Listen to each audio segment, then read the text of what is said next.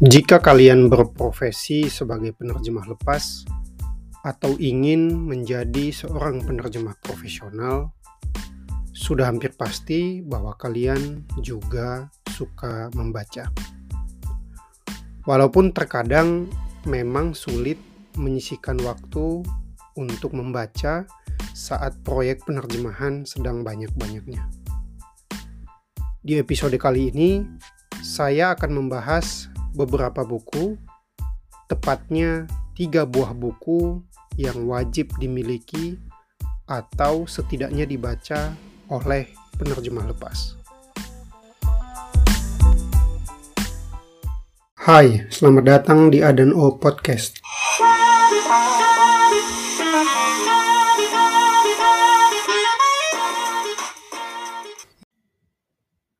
Saya sendiri masih suka membaca di sela-sela pekerjaan kantor maupun saat dalam proses menyelesaikan pekerjaan terjemahan. Saya rasa semua ini karena kecintaan saya terhadap bahasa dan membaca itu sendiri. Episode ke-45 ini akan membahas buku-buku yang sudah saya baca tentang profesi penerjemah lepas. Tentu daftar yang saya buat ini tidak sesuai dengan urutan buku mana dan kapan saya membacanya. Tapi lebih kepada buku-buku yang sudah saya baca sejauh ini dan saya anggap bermanfaat bagi profesi penerjemah lepas. Buku pertama adalah The Entrepreneurial Linguist yang ditulis oleh dua bersaudara, Judy dan Dagmar Jenner. Mereka berdua menekuni profesi penerjemahan dan penjuru bahasaan. Judy adalah seorang juru bahasa dan penerjemah bidang hukum yang saat ini menetap di Las Vegas. Sedangkan saudara kembarnya, Dagmar, adalah penerjemah profesional yang saat ini tinggal di Wina, Austria. Buku ini ditulis pada tahun 2010. Saya membacanya saat tahun-tahun awal saya menetap di Austria. Awal tahun 2016 dan kontennya masih sangat relevan. Buku ini terdiri atas 11 bab dan merupakan sebuah pendekatan dari sudut pandang bisnis tentang profesi penerjemah lepas. Dua penulis ini memang memiliki latar belakang pendidikan bisnis, sehingga mereka mampu menjelaskan dengan sangat rinci bagaimana cara memasarkan diri yang baik hingga bagaimana memanfaatkan media sosial. Namun karena buku ini ditulis 11, 12 tahun yang lalu, sehingga tentu pada bab tentang pemanfaatan media sosial memang kurang aktual jika dibandingkan dengan perkembangan media sosial saat ini. Meski demikian, buku ini merupakan sebuah panduan yang sangat baik dari segi bisnis bagi kalian yang mungkin kurang pengetahuannya tentang bagaimana membangun sebuah bisnis dari profesi penerjemah. Walaupun mungkin kalian adalah penerjemah profesional dan penerjemah yang sangat kreatif. Buku kedua yang saya baca adalah Rework oleh Jason Fried. Poin penting yang disampaikan Jason dalam bukunya ini adalah kantor merupakan sebuah konsep yang terbilang usang. Dan bekerja dari rumah atau bekerja dari mana saja adalah sebuah pilihan yang lebih menguntungkan.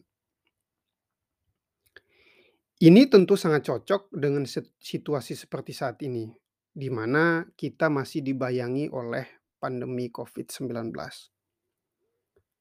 Penulis buku ini adalah seorang pengusaha yang mulai membangun bisnisnya dari sebuah perusahaan kecil, dan dalam bukunya dia menceritakan bagaimana perusahaannya sendiri, kantornya, tidak memiliki kantor fisik sama sekali. Dia memiliki karyawan dari Chicago, Tokyo, Denmark, dan dari negara di belahan dunia lainnya, dan mereka bekerja bersama-sama setiap harinya. Dan buku terakhir yang saya baca adalah The Marketing Cookbook for Translators oleh Tess Witty. Tess adalah seorang penerjemah profesional yang memiliki latar belakang pendidikan dalam bidang marketing. Saat saya mengikuti konferensi penerjemah di Lisabon pada bulan Mei lalu, saya bertemu dengan Tess dan memiliki kesempatan untuk belajar langsung dari Tess tentang bagaimana memasarkan jasa sebagai seorang penerjemah profesional.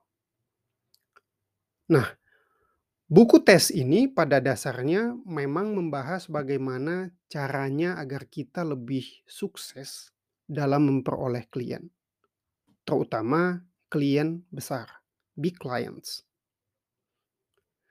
Saat saya membaca buku ini, saya memikirkan kembali strategi apa saja yang sudah saya gunakan dalam mencari dan menemukan klien, dan terlebih bagaimana saya melihat diri saya sebagai seorang penerjemah profesional dan bukan seorang yang hanya melakukan kegiatan menerjemahkan hanya sekedar mengisi waktu luang.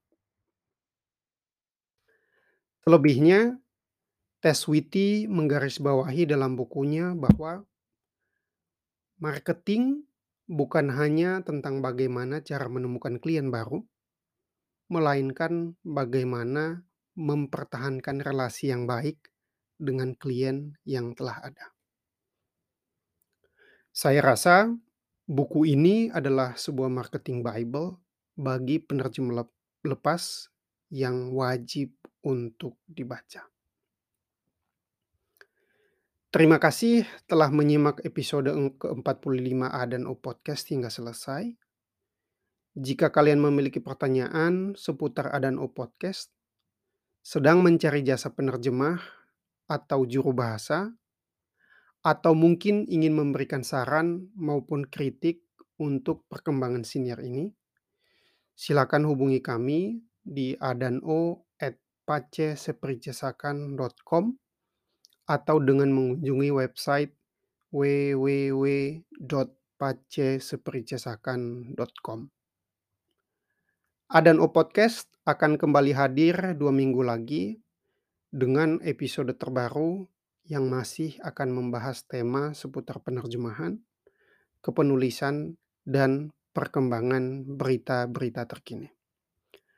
Terakhir, subscribe Adan O Podcast dan bagikan episode-episode yang menurut kalian menarik untuk didengarkan oleh teman, kerabat, atau kenalan kalian yang mungkin akan mendapatkan manfaat dari mendengarkan siniar ini.